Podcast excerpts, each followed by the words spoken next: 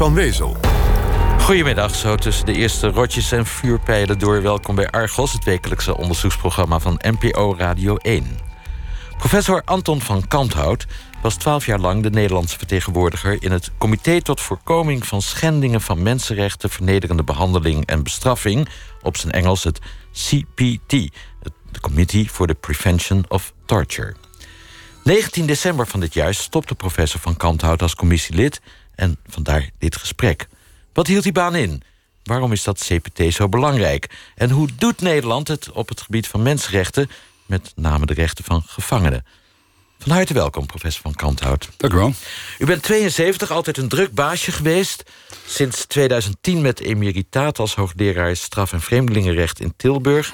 U bleef commissielid van het CPT, ik zeg het maar even op zijn Nederlands toch. Betekent dat u uh, vaak de wereld afreist om onderzoek te doen naar gevangenissen, asielzoekerscentra, psychiatrische klinieken. U uh, bent daar nu dus ook mee gestopt. Blij met alle vrije tijd of beangstigt u dat? Nee, er blijft gelukkig nog, uh, nog heel veel over. Het, is, het wordt wel iets rustiger. En degene die dat meest op prijs stelt is mijn echtgenote. Maar die heeft eronder geleden, al die reizen. Zegt u? Die heeft eronder geleden, al die reizen. Nou, niet onder geleden, maar uh, ik denk dat het toch fijn is om mij eens wat vaker thuis te zien. Denk ik. En wat gaat u thuis allemaal doen dan, samen met uw echtgenoten? Nou, in ieder geval, uh, het is niet zo dat ik uh, thuis alleen maar in de tuin zal zitten werken. Ik heb nog een hoop onderzoekswerk, maar dat kan ik voor een gedeelte ook, uh, ook thuis doen. En dat vind ik nog erg plezier om dat steeds te blijven doen. En natuurlijk zijn er nog steeds ook internationale onderzoeken waar ik bij betrokken blijf. Dus ik zal het buitenland niet helemaal vaarwel zeggen. Ik stel me het lidmaatschap van zo'n internationale onderzoekscommissie een beetje voor als die film Lost in Translation die zich helemaal afspeelt in eenzame hotelkamers. Was het dat ook een beetje? Overdag in ieder geval niet, want, uh, en ook vaak s'avonds niet... omdat het werk uh, begint zo morgens rond een uur of acht. En uh, vaak gaan de bezoeken ook s s'avonds... en soms zelfs ook nog een gedeelte van de nacht door. Juist om inzicht te krijgen wat er zich in de instellingen... waar wij toezicht op houden gebeurt... En vaak zijn natuurlijk de avonden en de, de, de nachten de plaatsen en de momenten waarop schendingen van mensenrechten, foltering, onmenselijke vernederende behandeling het meeste plaatsvindt. Maar uiteraard moet je ook slapen, uiteraard moet je ook eten. Dus ik zat uh, ook veel op mijn uh, kamer, mijn hotelkamer. Drie keer per jaar komt de hele commissie van 47 mensen in Straatsburg bijeen. Dan zit je s'avonds op je hotelkamer de vergadering van de dag erop voor te bereiden. Maar dat waren ook heerlijke momenten. Momenten van rust, momenten waar je ook nog zo'n boek kon lezen. Waar je niet continu werd lastiggevallen door, uh, door telefoontjes. Dus ik heb er ook wel van genoten, van die zogenaamde eenzame avonden. U las? Ik las. Um, niet alle luisteraars zullen, zullen we CPT of CPT zeggen? En, laat maar CPT zeggen. Ja, dat lijkt me ook eigenlijk. Niet alle luisteraars zullen van het CPT hebben gehoord. Uh, wie heeft het opgericht? Wanneer? Met welk doel? Nou, heel in het kort. Uh, kort na de Tweede Wereldoorlog uh, hebben een aantal landen in Europa besloten om te zorgen dat zoiets als de gruwelen van de Tweede Wereldoorlog nooit meer zouden kunnen plaatsvinden. En die hebben zich verenigd in de Raad van Europa. Dat is niet hetzelfde als de Europese Unie, maar de Raad van Europa, inmiddels zijn dat 47 landen, is uh, het gemeenschappelijke bolwerk van die aangesloten landen ter bevordering van mensenrechten, de uh, democratie en.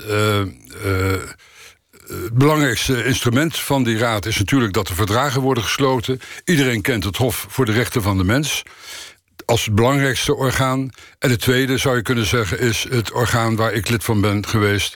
En dat is de CPT, de commissie die moet voorkomen dat er wordt gefolterd of onmenselijk en vernederend wordt behandeld.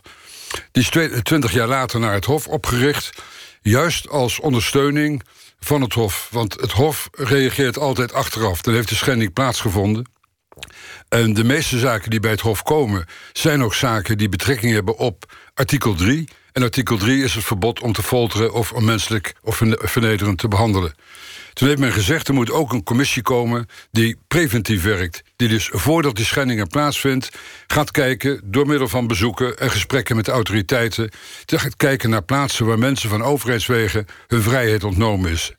En dat is natuurlijk heel veel. Dat zijn Politiecellen, u noemde er net ook een aantal. Uh, dat zijn psychiatrische inrichtingen, natuurlijk gevangenissen...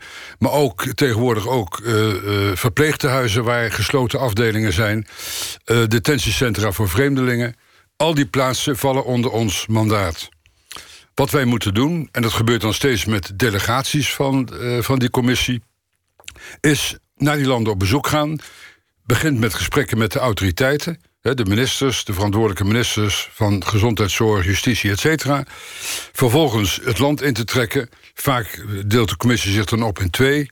En dan uh, de bezoeken te brengen met heel veel mensen die opgesloten zijn, praten kijken hoe de omstandigheden in de, in de centra zijn. Alle uh, informatie die er beschikbaar is, alle logboeken, alle persoonlijke documenten en inrichtingsdocumenten doorsnuffelen om te zien. Jullie hebben het recht hier op te vragen. Die, die, en wij, die moeten ze op grond van het, van het verdrag allemaal aan ons verschaffen. In iedere delegatie is ook altijd een arts en een psychiater aanwezig. Die dus ook kan kijken of er lichamelijk uh, of geestelijk geweld op mensen wordt toegepast. Kortom, uh, dat zijn hele diepgaande toezichtsbezoeken. Op het einde spreken we weer met dezelfde autoriteiten. En uh, als het hele urgente situaties zijn, dan dringen we er ook aan, op aan dat op dat moment al bijvoorbeeld bepaalde afdelingen worden gesloten, op bepaalde cellen buiten gebruik worden gezet. Een aantal maanden later komt dan een rapport wat wordt vastgesteld in de voltallige vergadering drie keer per jaar in Straatsburg. Dat is eigenlijk in, heel in het kort wat wij, eh, wat wij doen. De Raad van Europa, die dan het initiatief heeft genomen... tot oprichting van CPT, is veel groter dan de Europese Unie. 47 landen, waar ook landen bij zitten als een Rusland, een Turkije. Nou, dat lijkt me werk aan de winkel. Ja, de, de, alle landen van de Europese Unie maken deel uit van de Raad van Europa. Maar er zijn dus nog twintig landen extra. En dat gaat van de Caucasische landen, Georgië, Armenië, Azerbeidzjan... Uh, Oekraïne, Turkije, Rusland, u noemde ze. Uh, er zijn grote verschillen binnen, binnen Europa, dat is, uh, dat is duidelijk. Uh, landen komen ook uit verschillende tradities, met name de landen die uit de communistische traditie komen. Daar valt nog heel veel te verbeteren. Hoewel ik moet zeggen dat de afgelopen tien jaar in een aantal landen er ook echt heel veel veranderd is. Maar er zijn landen waar wij nog steeds ons grote zorgen over maken. En dat is uh, met name Rusland. Rusland is ook het land waardoor het Europees Hof het meest veroordeeld wordt. Rusland is ook het land waar wij de meeste bezoeken aanbrengen. Turkije ligt... En, werken, en werken de autoriteiten mee in Rusland of niet eigenlijk? Waar het gaat om onze bezoeken, moeten ze meewerken. Dus wij, wij hebben overal toegang tot alle plaatsen, tot alle dossiers, tot alle mensen. De vraag is of onze aanbevelingen, of die allemaal worden overgenomen. En Turkije? Turkije is een, is een apart hoofdstuk. Turkije is een tijd lang. Uh, zijn er aanzienlijke verbeteringen in de mensenrechten situatie aangebracht. En dat was met name in de periode dat Turkije uh, nog serieus kans maakte en ook dacht te maken op het lidmaatschap van de Europese Unie. Want een van de criteria om deel te kunnen nemen, deel uit te kunnen maken van de Europese Unie, is de mensenrechten situatie.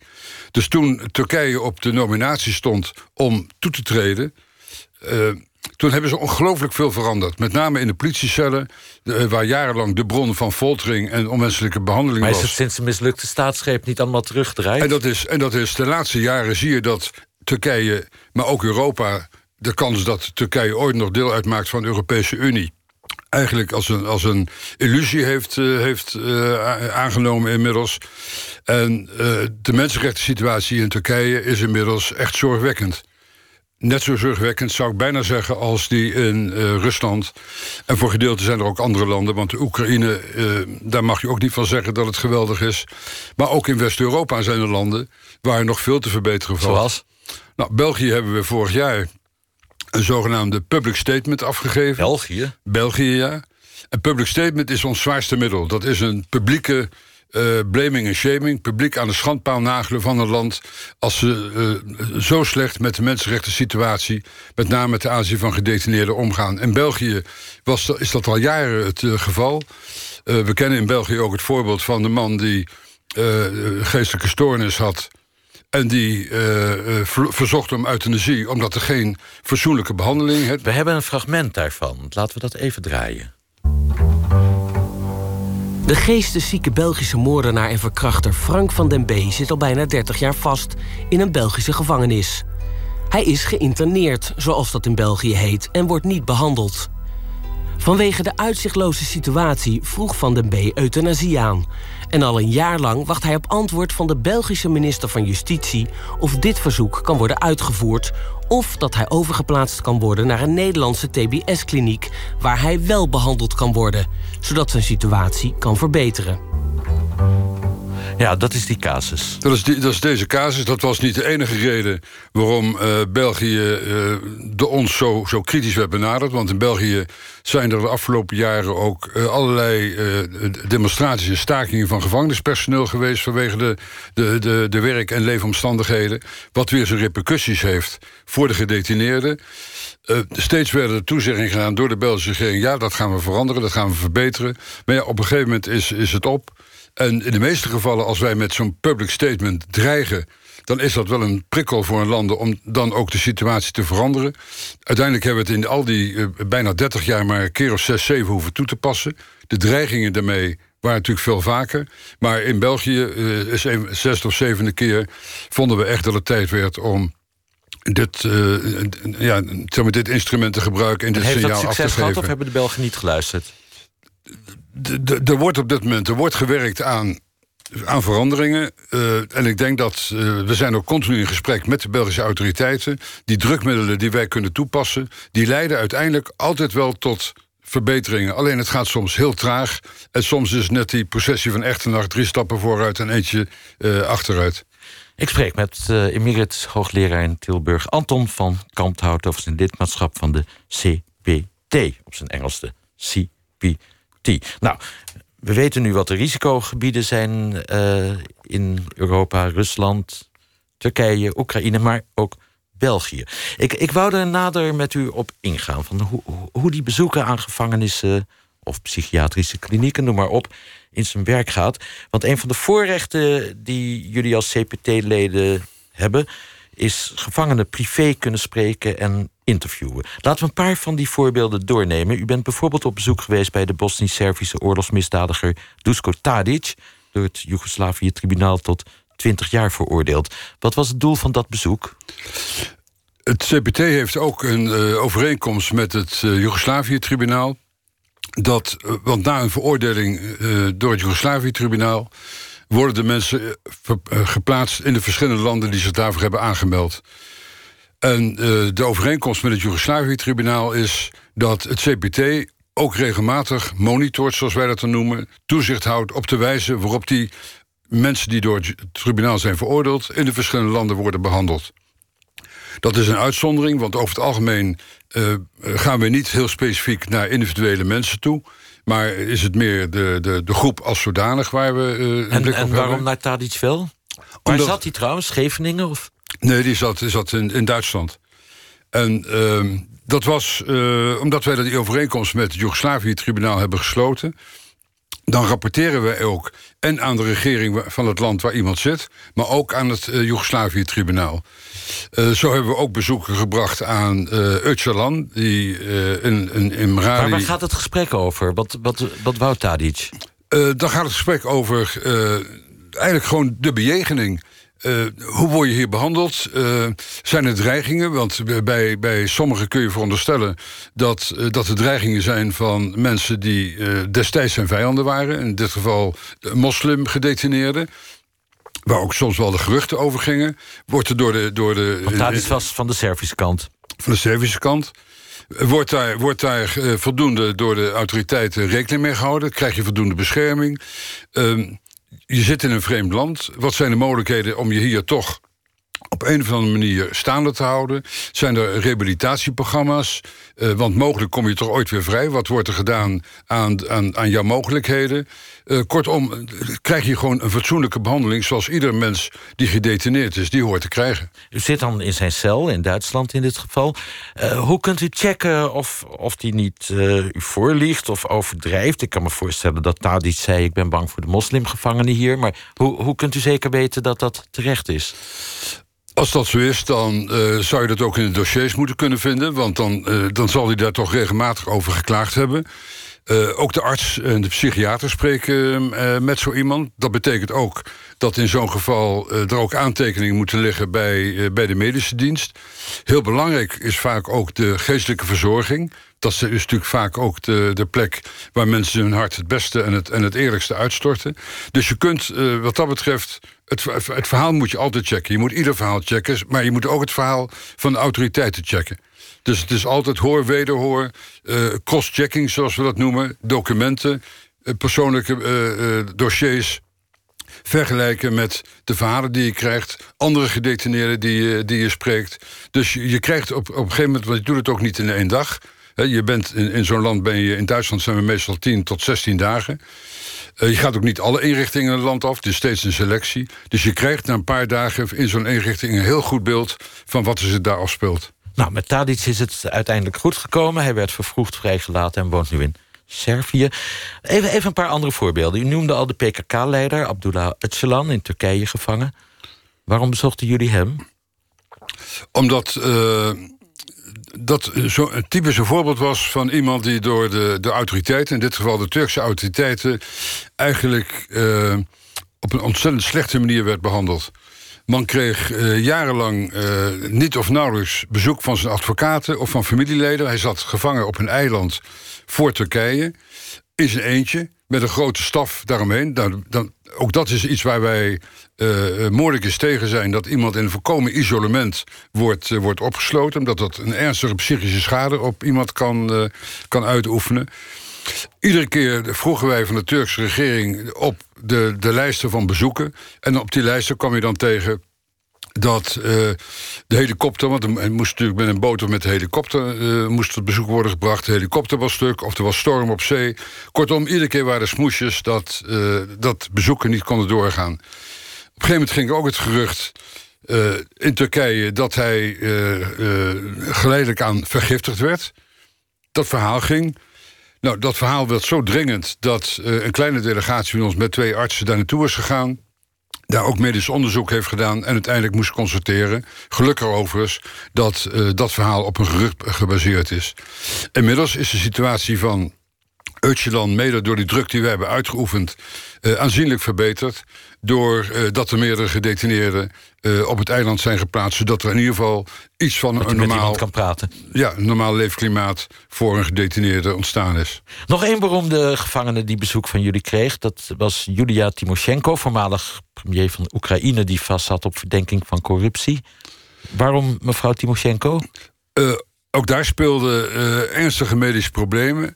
Daar werd natuurlijk ook, ook vanuit de Europese Unie werd, uh, werd er argwanend gekeken hoe mevrouw Timoshenko werd behandeld. Die ernstige rugklachten had, die niet werden behandeld.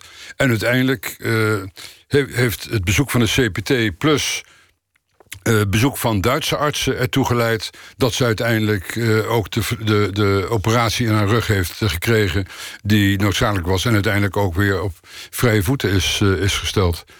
En dat gebeurt dus ook vaak tijdens een normaal bezoek. Dan ruim je ook ruimte in om naar één of twee bijzondere gevallen toe te gaan. Maar het is zelden dat je heel specifiek naar één persoon gaat.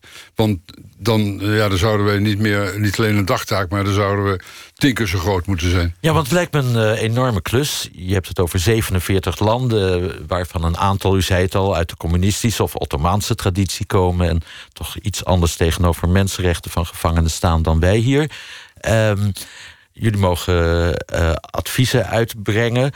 Uh, het zijn geen bindende besluiten, maar ja, het lijkt me een mer avoir. Daarom is door de Verenigde Naties al eens geopperd om ook nationale commissies tegen mishandeling en marteling van gevangenen en andere gedetineerden in te stellen. Dat is er niet van gekomen, geloof ik. Hoe zat dat? Nou, het, het VN-verdrag is er wel gekomen. Dat, het is een bestaand verdrag wat vergelijkbaar is met het verdrag van de Raad van Europa. Het, het, het verdrag tegen foltering en onmenselijke en vernederende behandeling. Daar is een aantal jaar geleden een protocol aan uh, toegevoegd. Dat noemen we het optioneel protocol. En uh, gebaseerd op de goede ervaringen met de CPT in Europa...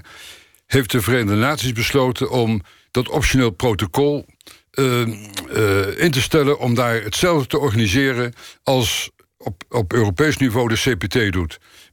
Met die verstande dat er op de VN-niveau ook een CPT is. Dat noemen we alleen daar de SPT. En ieder land, en dat is het belangrijkste, ieder land die het verdrag heeft geratificeerd, moet op nationaal niveau zeg maar ook een CPT krijgen. En zijn er landen die dat al hebben? Er zijn bijna, dat, dat, loopt nu tegen de, de 90 landen in de wereld die dat inmiddels hebben. En het uh, bijzondere van, uh, en wij noemen dat het Nationaal Preventief Mechanisme. Dat is een heel moeilijk woord. Wacht even, CPT, SPT, Nationaal Preventief Mechanisme, NPM. Ja. ja. wij noemen dat NPM, dat, zo heet het ook in het verdrag. Dat je op nationaal niveau, wij kunnen ook zeggen een nationaal CPT. maakt mij niet uit hoe we het noemen. Maar het, het, het, uh, belangrijkste daarvan is dat die bestaat, die, die commissie bestaat uit deskundigen maar ook uit wat wij dan noemen de civil society. Gewone burgers, dus niet alleen maar ambtenaren... die aan een departement zijn verbonden of aan een inspectie zijn verbonden... maar dat het juist ook door de, burger, door, door de samenleving gedragen wordt... zodat je ook een wat objectievere, onafhankelijker toezicht op de plaatsen van detentie kunt krijgen. Waarom heeft Nederland niet zo'n nationaal CPT? Nederland heeft het verdrag met moeite overigens uh, geratificeerd. Ministerie van Justitie was er aanvankelijk uh, op tegen. Want men uh, vond dat Nederland al voldoende toezichtsinstanties had. Dus het was helemaal niet nodig dat wij dat ook zouden hebben. Wij deden het eigenlijk allemaal heel goed. Het ministerie van Buitenlandse Zaken was het daar niet mee eens. Omdat Nederland natuurlijk altijd het vingertje de, de lucht insteekt... als het gaat om de mensenrechten elders. Waarop Buitenlandse Zaken zei...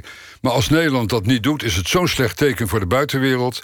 Uh, dat, uh, dat kunnen we niet maken. Uiteindelijk heeft het ministerie van Justitie gezegd... oké, okay, dan doen we wel mee, maar we veranderen niks. Er kwam geen commissie? Er kwam geen commissie, want men zei... datgene wat we hebben, die bestaande commissie... Inspectie voor de Gezondheidszorg... Inspectie Veiligheid en Justitie en Inspectie Jeugdzorg... dat is natuurlijk wel waar. Het wemelt van de inspecties in Nederland. Ja, maar het grote, het grote verschil tussen die inspecties en zo'n onafhankelijk extern mechanisme is niet dat ze die moeten vervangen, maar dat ze aanvullend kunnen opereren en dat er ook veel meer onderlinge samenhang is. Dat het bovendien ook iets is waar de samenleving zelf een betrokkenheid bij heeft. En dat het niet een puur ambtelijke organisatie is, zoals die drie inspecties wel zijn. Met alle mogelijke beïnvloeding die je toch vanuit de diverse departementen kunt krijgen. Nederland heeft uh, uh, dat niet gedaan. Die heeft die drie inspecties aangevuld als toehoorder de nationale ombudsman en de Raad voor de Strafrechtstoepassing. Dat was eigenlijk het nationaal preventief mechanisme. En u bent daar niet gelukkig mee? Uh, nou, de ombudsman heeft zich uiteindelijk uh, daarvan gedissocieerd. Heeft gezegd, aan deze constructie kunnen wij niet meer deelnemen... want het is niet zoals eigenlijk de bedoeling is. En ook de Raad voor de Strafrechtstoepassing heeft ze teruggetrokken. Dus uiteindelijk hebben we gewoon drie inspecties... die doen wat ze altijd gedaan hebben. En langs elkaar heen werken. En langs elkaar heen werken. En te ambtelijk zijn. En te ambtelijk zijn en waarbij uh, je toch ook je twijfels kunt hebben... of de, de binding met, het, met de diverse ministeries toch niet te groot is. Een ander punt is dat het accent bij, bij heel veel van die, met name bij de inspectie gezondheidszorg, ligt ook niet op preventie. Men is ook niet gewend om internationale standaarden toe te passen als het gaat om toezicht op de eigen nationale uh, uh, instanties. Want nogmaals, het gaat niet alleen over gevangenissen, het gaat over ook psychiatrische inrichtingen, het gaat ook over verzorgingshuizen, het gaat ook over politiebureaus. En daar zitten een aantal gemeenschappelijke thema's in die nou afzonderlijk door de verschillende instanties worden behandeld... zonder dat er een koppeling tussen die verschillende instanties plaatsvindt. Argos heeft veel uitzendingen gemaakt over de te hechte banden... tussen de Inspectie voor de Gezondheidszorg en het ministerie van VWS bijvoorbeeld. Uh, laatst was er via Nieuwsuur die enorme rel over uh, het WODC... het Wetenschappelijk Instituut van het ministerie van Justitie en Veiligheid... die, ja, die onafhankelijkheid ook niet gewaarborgd was. Uh, la, laten we het even illustreren aan de hand van Voorbeeld. Er zou een onderzoek komen naar de situatie van levenslang gestraften in Nederland. Daar hebben we een stuk of 30, 40 van. Uh, wat is er toen gebeurd? Er is een korte periode geweest dat gepoogd werd met die vijf instanties die ik net noemde, de drie inspecties, de Raad voor de Strafrechtstoepassing, wat wel een, een onafhankelijke instantie is waar ook niet-ambtenaren bij betrokken zijn, en de ombudsman, het eerste gezamenlijke onderzoek in te stellen. Dat, uh, dat kostte uh, bij, bij de inspectie Veiligheid en Justitie... maar ook bij de inspectie Gezondheidszorg... toch wel de, de, de, nodige moeite om ze daarvan te overtuigen. Maar uiteindelijk werd er besloten... nou, laten we het dan toch maar een keer gezamenlijk doen. Op een middag kwamen van die vier organisaties... één of twee onafhankelijke onderzoekers... die gezamenlijk dat wilden doen. En uh, toen kwam het bericht binnen van uh, het ministerie van de Inspectie Veiligheid en Justitie dat de staatssecretaris had besloten dat het niet mocht. Wie was de staatssecretaris? Dat was uh, meneer Teven toen nog. De buschauffeur. De huidige buschauffeur, maar toen had hij een, een andere functie op dit terrein. Uh, daarmee was eigenlijk duidelijk dat die onafhankelijkheid toch daarmee in het geding was, want het was politiek te gevoelig. Oh, terwijl een onafhankelijke instantie mag zich daar niet door laten beïnvloeden. Dus dat onderzoek is niet gedaan uiteindelijk? Het, wij gingen onverrichte zaken uit elkaar en uiteindelijk uh, hebben de RSJ en de, uh, de ombudsman die hebben zich vervolgens uit dit samenwerkingsverband teruggetrokken. En de aanleiding om dit als eerste te nemen was een uitspraak van het Europees Hof dat levenslang, zoals dat nu in een aantal landen wordt toegepast, niet in overeenstemming is met het Europees Verdrag.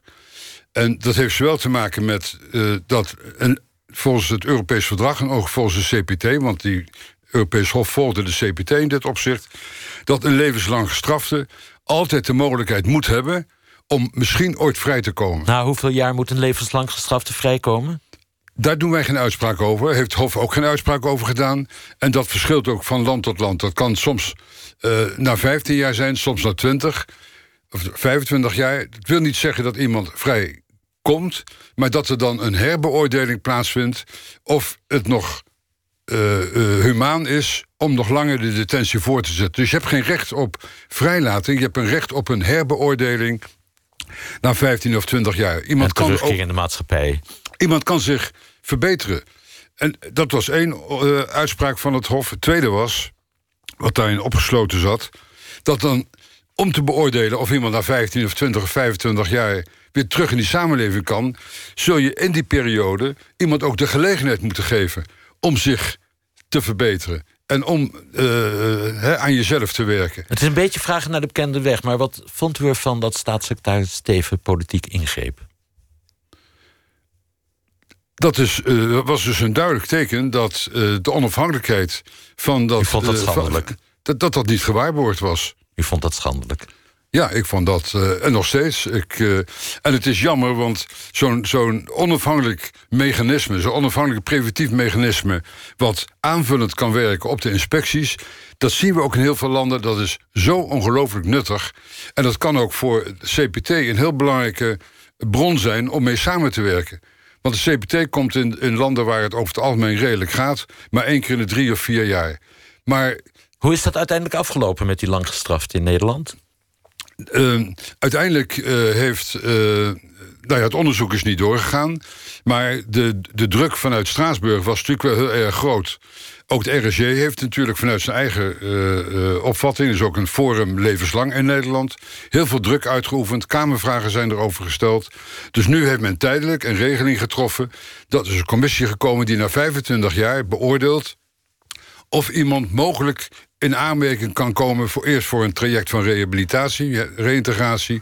en daarna voor vrijlating. Maar dat is een heel slap compromis vergeleken met wat het Europese Hof wou.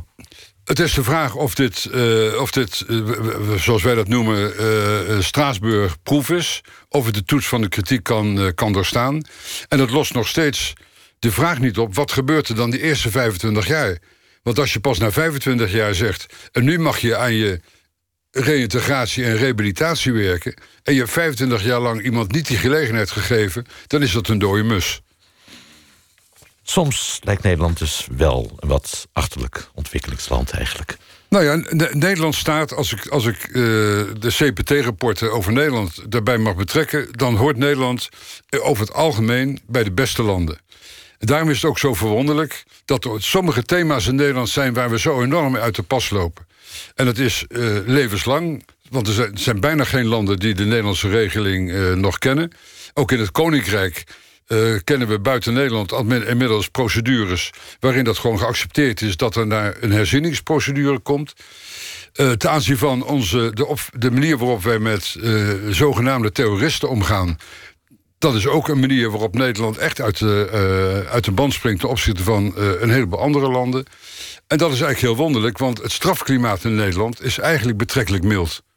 U luistert naar Argos met vandaag in deze eindejaarsuitzending Een lang gesprek met professor Anton van Kalmthout... emeritus hoogleraar aan de Tilburgse Universiteit...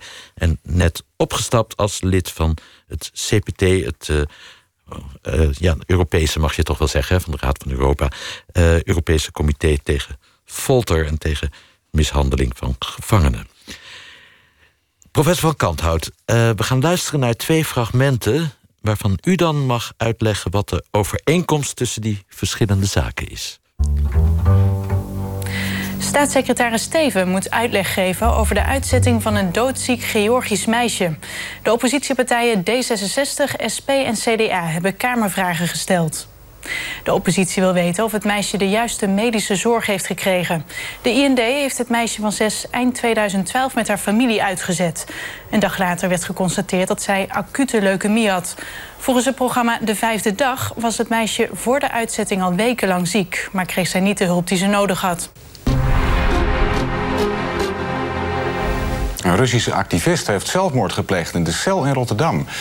Het is Alexander Dolmatov, die vorig jaar naar Nederland vluchtte. Dolmatov werkte in de Russische militaire raketindustrie. Hij was ook lid van een oppositiepartij. Hij werd opgepakt na een anti-Poetin-demonstratie. En de Russische geheime dienst zou hem hebben geschaduwd. En daarom vluchtte Dolmatov naar Nederland. Hij zat sinds gisteravond in vreemdelingendetentie... omdat zijn asielaanvraag was afgewezen. En vanochtend om 7 uur werd hij dood aangetroffen. Ja, het begint misschien iets te veel de grote Fred Teven show te worden. Maar waar, waarom wilde u deze fragmenten graag laten horen? Nou, deze fragmenten zijn uh, kenmerkend voor. Uh, en voor de onderzoeken die, die worden ingesteld als zoiets heeft uh, voorgedaan. van de aanbevelingen die worden gedaan. En vervolgens ook van de follow-up van die aanbevelingen. Wat de beide gemeenschappelijk hebben, dat is ook uit, uit de onderzoeken die na de hand zijn, zijn uh, uh, verricht, is dat wel gebleken. Zijn de, de slechte uh, samenwerking tussen de verschillende medische diensten, want het ging van de ene instelling naar de andere. Mensen waren vaak de medische diensten of, of, personeel van de inrichting niet op de hoogte dat iemand inmiddels alweer was overgeplaatst naar een andere inrichting. De Hoe signalen, komt dat in Nederland, die versnippering? Dus ik denk dat we, dat we soms uh, uh, te geprotocoleerd werken. Dat ieder zijn eigen, uh, eigen verantwoordelijkheid heeft. Maar dat dat niet een gedeelde gezamenlijke verantwoordelijkheid is. Dat blijkt ook uit uw onderzoek. Dan blijkt dat ieder van zich, op zich heeft zijn werk goed gedaan. Maar de som van, van de delen is nog niet het, het goede geheel. En, dus er worden aanbevelingen gedaan. Dus de vraag is ook, zijn de signalen serieus genomen? Er wordt onderzoek gedaan. In dat onderzoek van, uh, van het meisje Renata, wat, het meisje wat naar Polen werd, uh, uh, uiteindelijk is overgebracht en daar gestorven is. Daar is een onderzoek ingesteld op verzoek van de inspectie. Inspectie doet het niet zelf, maar laat het weer de anderen doen. En het opvallende daarvan is dat de belangrijkste informant, de ouders, in dat onderzoek bijvoorbeeld niet zijn gehoord. Waardoor dus hele cruciale informatie niet kon worden meegenomen. Het onderzoek is aan het parlement gepresenteerd. Na de hand hebben die ouders daarover geklaagd. Na de hand uh, uh, zijn er gesprekken geweest ook met, uh, met de inspectie op de volksgezondheid. Maar dan is de vraag, en wat gebeurt er dan vervolgens met die informatie? Dan is de, de, politieke angel is er inmiddels uit. Maar er is wel het nodige na de hand gebeurd. De vraag is bovendien, in, in dat rapport over Renate... wordt gesproken over de aanbevelingen van die andere zaak Donatov dat die inmiddels zijn, voor een stuk zijn geïmplementeerd. Maar hier worden weer nieuwe aanbevelingen gedaan. En iedereen die er in deze wereld werkt, zou dan willen weten... en hoe is het dan nu? Kan het morgen weer gebeuren?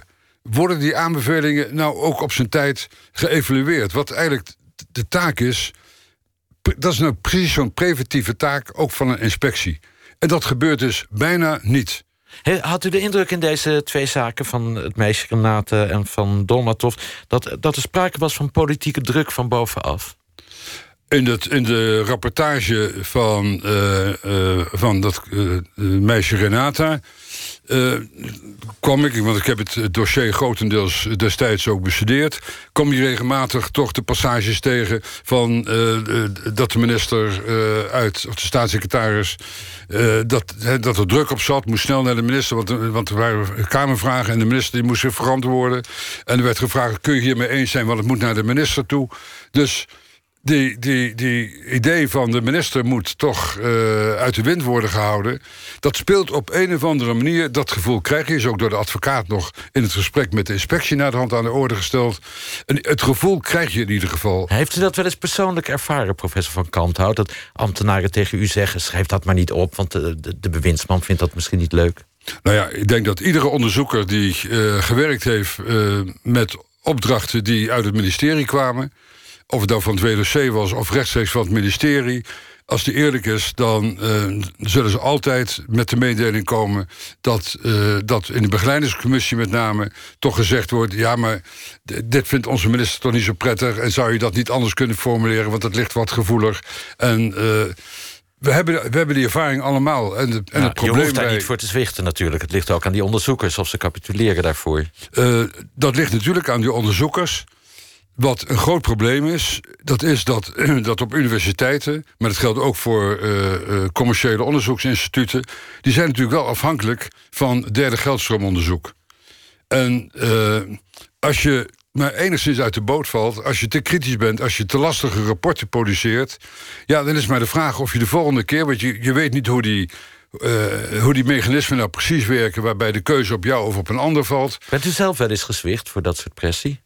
Ik ben er nooit voor gezwicht. Maar daarom vonden ze mij op het ministerie ook niet altijd erg... Uh, of ze me naar vonden, weet ik niet. Maar in ieder geval... Uh, ik was wel erg kritisch in hun ogen, ja. We gaan weer even naar een casus uh, luisteren. Een pijnlijke casus in meer dan één opzicht. We gaan luisteren naar een fragment uit het programma 1 Vandaag van 9 mei 2016 huil bijna elke dag. Elke hap eten doet pijn. Ik kan mijn kaken niet meer sluiten van de pijn. Ik word gek van de pijn in mijn hoofd. Marcus Z, 36 jaar oud. De reden dat hij contact zoekt met één vandaag... hij vindt dat hij ernstig is mishandeld door de tandarts... op de afdeling waar hij tot voor kort wordt onderzocht. Het penitentiair psychiatrisch centrum in de Bijlmer-Baaiers. Ik lijk nog steeds onder de foltering die me is aangedaan. Waardoor ik ja, verminkt en invalide achter ben gebleven en aan mijn lot overgelaten. Waarom wilde u dit laten horen? Dit is een zaak die mij uh, vorig jaar zeer heeft, uh, heeft aangesproken en ook wel heeft aangegrepen. Omdat uh, hier iemand echt nodeloos pijn heeft geleden en voor, voor zijn leven ook getekend is. Um, en ik kan dat zeggen omdat de, de medische zorg, met name de tandheelkundige zorg, want daar begon het mee, die aan hem werd verleend, zo abominabel was dat het ook werd bevestigd door uh, de artsen naar de hand in het uh, UMC en, uh, en anderen. En uiteindelijk heeft hij zijn, zijn hele. en hij zat in de Belmermeer, het is nu gesloten. Ja, en zijn tanden zijn, zijn gebed is, is, is, is, is getrokken. veel pijn geleden. En en het paste precies in het, in het rapport van uh, de Inspectie voor de Gezondheidszorg, waarin uit, uit 2000, uh, of, nee, uit 1998 geloof ik, tien jaar later een soort follow-up rapport, uh, waarin hetzelfde werd gezegd, namelijk dat de tandheelkundige zorg, ik zeg het maar even in mijn eigen woorden, toch een, een, een, een aandacht voor zorg is. Dat dit lang niet altijd adequaat aanwezig is, dat de, de instrumentaria niet goed zijn, dat de, de behandelkamers niet in orde zijn, et cetera. Hier uh, was een tandarts die op internet bekend staat eh, binnen zijn, uh, zijn club als de boeventandarts. Nou, dat is al sowieso een, een betiteling die zeer onaangenaam is als je die op internet tegenkomt. Maar die de man echt ook slecht heeft behandeld, of beter niet of nauwelijks heeft behandeld. er is toen een uitzending van één vandaag over geweest. Dus, er zijn vragen over gesteld. En dan is het weer doodstil. Inmiddels uh, volg ik uh, sinds kort wat er met die man nadien gebeurd is. En uh, ik hoop dat Argos daar een nieuwe uitzending aan gaat wijden. Want inmiddels is de man half verlamd. Is er, is er, zijn er, heeft hij een herseninfarct of een dreigende herseninfarct. Die hele medische zorg die hij krijgt... daar kun je in ieder geval grote vraagtekens bij stellen. Hoewel ik natuurlijk niet alle medische dossiers heb gezien. Maar het zou heel zinvol zijn als daar eens opnieuw naar gekeken wordt. Maar eigenlijk is dat niet de taak van Argos of van een andere onderzoeksrubriek? dat zou de taak van de inspectie moeten zijn. En ook het signaal wat vorig jaar afgegeven is door de advocaat, door, uh, door de artsen, had voor de inspectie gezondheidszorg en ook veiligheid en justitie een signaal moeten zijn: hier gaan we op af. Want het is natuurlijk wel een, een, een individueel geval, een incident. Maar ik weet nooit of een individueel geval niet iets blootlegt wat uh, zeg maar symptomatisch is voor veel meer gevallen. En als uw wens wel was vervuld en we hadden in Nederland zo'n onafhankelijk CPT gehad, die had hier werk van gemaakt, denkt die, u? Die had hier werk van gemaakt. Die was er, die was er uh, uit eigen beweging op, uh, op, op afgegaan. En uh, omdat, nogmaals, die zou ook al veel eerder de rapporten die de Inspectie Veiligheid en Justitie heeft uitgebracht. In 1998, in 2009. Er staan zoveel aanbevelingen nog in over dingen die verbeterd moeten worden. dat het verbazingwekkend is dat het steeds tien jaar duurt voordat er een soort evaluatie van plaatsvindt. Heeft het geen zin om bij de Tweede Kamer te gaan uh, lobbyen... voor de instelling van zo'n CPT? Misschien is daar wel een politieke meerderheid voor. De Tweede Kamer is ermee akkoord gegaan... want de Tweede Kamer die heeft, uh, die heeft uh, daar zijn goedkeuring aan gehecht. Ik denk alleen dat de Tweede Kamer nauwelijks op de hoogte is... van hoe het uiteindelijk met dat internationale verdrag is, is afgelopen. Ze hebben een goedkeuring gehecht aan dit compromis van laat die inspecties het doen. Ja, er is een Kamerbrief gekomen en uh, dan worden er misschien één of twee vragen gesteld. Maar zoals het altijd bij Kamervragen het geval is... als de vragen gesteld zijn, dan worden de antwoorden... worden de mensen meestal met een kluitje in het riet gestuurd. En dan is er weer een volgend probleem... waar je weer vragen over gaat stellen. Maar wat mij met name verbaast is dat... er zijn natuurlijk bepaalde politieke partijen... die alsmaar roepen dat geef het land terug aan de Nederlander. Geef het land terug aan ons. Nou, als je nou iets zou verwachten is dat je dan juist van die partijen zou verwachten dat die, de burger, die dan in zo'n NPM ook kan, kan meedoen, dat hij daar een rol in kan spelen. Dat zou dan uh, een, een, belangrijke bijdrage zijn. Maar dat zie je dus ook niet. Dus je zou, hoewel dit mijn partijen zijn, maar juist verwachten dat die het hardste schreeuwen van. Je bedoelt een VVD. PVV, het geldt voor de VVD, het geldt voor een stuk ook voor het CDA, het geldt voor de PVV, het geldt nou voor Baudet. Dat zijn de partijen die steeds die burger meer uh, als het over slachtoffers gaat, dan, dan, dan zijn ze wel uh, op de voorste rij. Maar als het om toezicht en de inbreng van de, van, van de burger in toezicht op de overheid, dan hoor je ze niet of nauwelijks. En dat zou eigenlijk in dit geval, zou dat met de NPM, zou dat een waardevolle bijdrage kunnen zijn. Thierry Baudet, u weet wat u te doen staat. U luistert naar een lang gesprek met professor Anton van Kalmthout over mensenrechten, gevangenen en hun bejegening in Nederland ook. Um, u had het al even over dat we een voorbeeldig rechtssysteem zijn, maar niet altijd. Dat we bijvoorbeeld uh, wel wat kritiek uh, kunnen hebben op wat er gebeurt uh, met mensen die van terrorisme worden verdacht of daarvoor zijn veroordeeld. in uw kritiek staat u niet alleen, want we gaan even luisteren naar een commentaar van Amnesty International. Op speciale terrorismeafdelingen in Nederlandse gevangenissen worden gedetineerden onmenselijk behandeld. Dat blijkt uit onderzoek van onder meer Amnesty International. In deze gevangenis in Rotterdam is soms sprake van langdurige eenzame opsluiting. Iets wat in het internationale mensenrecht ten strengste verboden is. En ook hier in Vught zitten gevangenen te lang alleen op hun cel. In beide inrichtingen worden regelmatig vernederende visitaties uitgevoerd waarbij mensen volledig naakt zijn. De gevangenissen laten weten dat ze veranderingen willen doorvoeren, maar dat is niet genoeg, zegt Amnesty. De organisatie wil dat de overheid actie onderneemt. Professor van Kanthout, vindt u dat verdachten van terrorisme te hard worden aangepakt in Nederland? In zijn algemeenheid moet ik daar ja op zeggen. Dat, er zijn verschillende uh, facetten die daarbij een rol spelen. De eerste is dat het begrip verdacht van terrorisme... dat kan zoveel inhouden dat... Uh, dat als wij denken aan het begrip terrorist... dan denken we meteen aan degene die de bommen gegooid heeft... of die weet ik wat vergruwelijke daden heeft gedaan. Maar zelfs het uh, geld overmaken naar, naar, naar familie in Syrië... of naar een van die gebieden daar... kan je al als terrorist bestempelen. Dus het, het, het, het begrip terrorisme is wat dat betreft... Uh, en verdacht van terrorisme... is iets wat al heel gauw neigt tot, tot misbruik, laat ik het zo noemen. Tweede is dat die plaatsing in, in, in die speciale afdelingen... dat kan gerechtvaardigd zijn. Er zullen ongetwijfeld terroristen zijn mensen verdacht van terrorisme... die extra uh, aandacht en beveiliging uh, vereisen. Maar dat kun je alleen maar beoordelen, en dat is ook een standpunt van het CPT... naar iedere zaak individueel te hebben uh, geanalyseerd. Hè, een individueel assessment, zoals we dat noemen. Als dat niet gebeurt en je sluit de mensen gewoon automatisch op, dat automatisme, met uh, een, regime wat betekent dat je 23 uur per dag uh, op je cel bent, met een regime wat betekent dat je, als je je cel verlaat, naakt wordt, wordt gevisiteerd. Dat er geen programma's zijn, dat je van de buitenwereld wordt, grotendeels wordt afgesloten. Dat is een onmenselijk regime. Dat zeggen wij in andere landen ook. Dat zeggen we ook. Dus, want de kritiek van de Amnesty komt grotendeels overeen met wat ook het CPT in 2016 al gezegd heeft. En jaren daarvoor, ook toen het over de, de afdeling in Vught ging.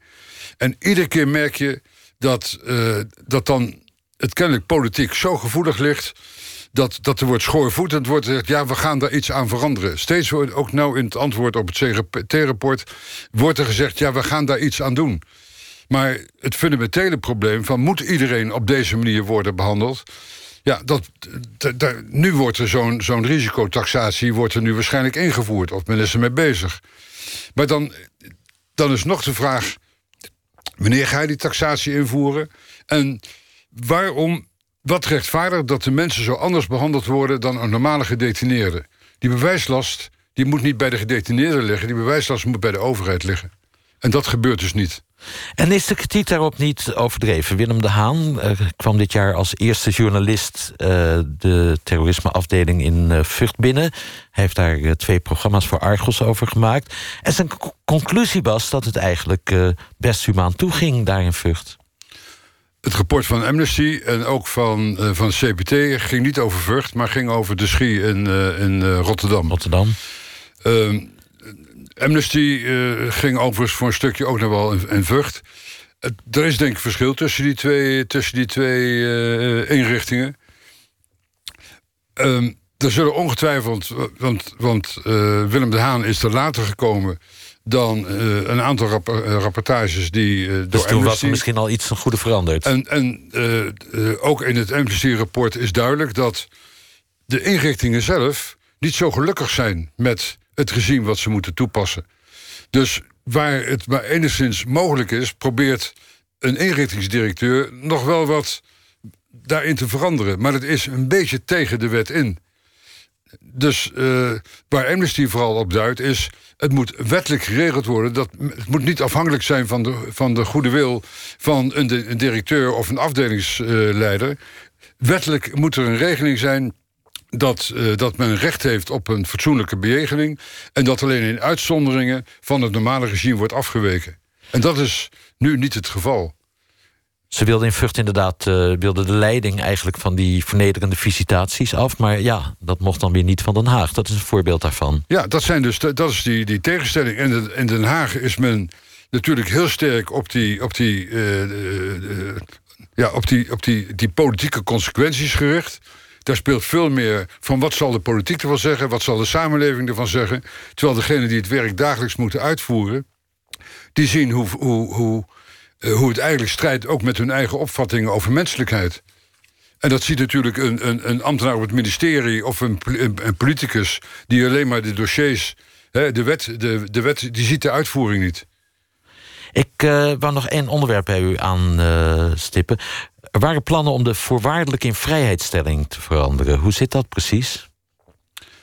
Hoe het op dit moment uh, met dat uh, voorstel staat, weet ik niet. Het, het was wel opmerkelijk dat um, bij de kabinetsformatie ineens het verhaal naar buiten kwam dat kennelijk de partijen elkaar gevonden hebben om de voorwaardelijke in vrijstelling, die nu, laten we zeggen in het algemeen, na twee derde van de straf uh, kan worden verleend, onder voorwaarde dat men dat wilde terugschroeven en alleen nog maar de laatste twee jaar. En de noodzaak daarvan uh, werd, niet, werd niet gegeven. Nederland springt ook wat dat betreft enorm uit de pas binnen uh, de Europese wereld. Want alle landen kennen op dit moment een voorwaardelijke invrijheidstelling. Soms zelfs na een derde van de tijd. Soms na de helft van de tijd. En soms na twee derde van de tijd, zoals Nederland op dit moment ook heeft. En die, uh, er is geen enkele noodzaak aangetoond waarom je nou ineens die straffen zeg, de, de uitvoering van de straf zou moeten verlengen. Het is bovendien ook, ook twijfelachtig of het effect heeft, want Als een rechter nu een straf oplegt, dan houdt hij er rekening mee dat de lengte van de straf uh, twee derde is van de straf die hij oplegt, hè, de daadwerkelijke straf. Als dadelijk die, die twee jaar echt zou worden ingevoerd, dan zul je ongetwijfeld gaan zien dat de straffen korter worden. Want rechters kunnen ook rekenen. En uh, juist die, die uh, lange periode, met name gaat het over de lange straffen, die langere periode van die voorwaardelijke in vrijheidstelling, geeft ook de mogelijkheid om iemand langer onder een vorm van toezicht te houden. Dus het is ook een heel goed instrument. Mensen komen niet onvoorwaardelijk vrij. Mensen komen voorwaardelijk vrij. En er kunnen behoorlijk forse voorwaarden aan verbonden worden... waarbij de kans dat iemand recidiveert minder groot is. Dus het is alleen maar verstandig om een lange voorwaardelijke vrijstelling onder goede voorwaarden te hebben... in plaats van een korte die na twee jaar dan toch in een uh, definitieve vrij, een vrijstelling... We hebben dit gesprek een paar keer over de Haagse politici gehad. Luisteren, te veel, luisteren ze te veel naar, uh, naar de boze burger? zijn ze te populistisch bezig? komt dat in minderingen op de rechten van bijvoorbeeld verdachten en gedetineerden? Het is, het is opmerkelijk dat, met name natuurlijk in periode van, van verkiezingen uh, zo de, de half jaar voor de verkiezingen... dan is het meest geliefde thema is altijd criminaliteit. Dan, uh, dan worden mensen weer overspoeld met... Uh, feiten die vaak ook niet met de werkelijkheid overeenstemmen. Je krijgt altijd te horen van het is 5 voor 12 en de criminaliteit stijgt. Terwijl de, cijfers een heel ander beeld laat, laten zien. Dat wil men, op een of andere manier wil men dan daar toch niet aan. Want dat past natuurlijk niet in die, uh, die onveiligheid als, als, als, uh, als middel te gebruiken om kiezers aan je te binden. Dat speelt een rol. En de tweede is altijd de vraag van... en hoe weet dan die politicus wat de bevolking wil? Men zegt altijd, het volk wil. De, als je gegronde on, uh, onderzoeken ziet over bijvoorbeeld de taakstraf... Laatst kwam Eertwans weer met, met dat voorstel... De wethouder van Rotterdam, van Leefbaar Rotterdam. Ja, die, die kennelijk heel veel moeite heeft met, met, uh, met een taakstraf... terwijl de taakstraf overal in de wereld een zeer gewaardeerd... Uh, alternatief voor de gevangenisstraf is. Met name als het gaat voor de korte gevangenisstraffen. Hij vindt dat dan weer niet voldoende. En dan is het idee weer... ja, ze moeten net als in Engeland maar een hesje aan... waarbij de buitenwereld kan zien... met, met de op, uh, in Engeland heet het payback to the, uh, to the community... en hier zou er iets het werken aan de samenleving. De mensen moeten maar kunnen zien dat het om een boef gaat. Nou, als je iets nou niet moet doen, is dat doen. Destijds toen ik in de Raad van Toezicht van de reclassering was... was er ook even zo'n idee om dat in Nederland in te voeren. Gelukkig konden we dat met de Raad van Toezicht terugschroeven. Maar die ideeën die, die, die komen ze nu en dan op, zonder enige argumentatie. Maar het zijn van die, van die ja, hele bijna primitieve gevoelens die je de hele geschiedenis door al hebt... als het gaat om reactie op criminaliteit en afwijkend gedrag. Ik dank u voor dit gesprek, Anton van Kanthout. Komt er eigenlijk een nieuwe vertegenwoordiger van Nederland in het CPT? Ja, dat is altijd een, een hele uh, ingewikkelde procedure. Een goede procedure. En inmiddels is mevrouw Sheila van der Bas, een rechter in Nederland, is uh, gekozen tot uh, mijn opvolster. En daar ben ik ook heel gelukkig mee. Nou, ik wens u en uw vrouw veel huiselijkheid toe. Wie weet komt het ervan.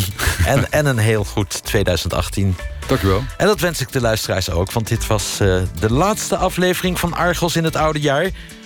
Volgend jaar zijn we weer elke week met onderzoek naar achtergronden bij het nieuws en zaken die in het nieuws zouden moeten zijn. Straks Radar Radio. Ik wens u nu alvast een goede jaarwisseling.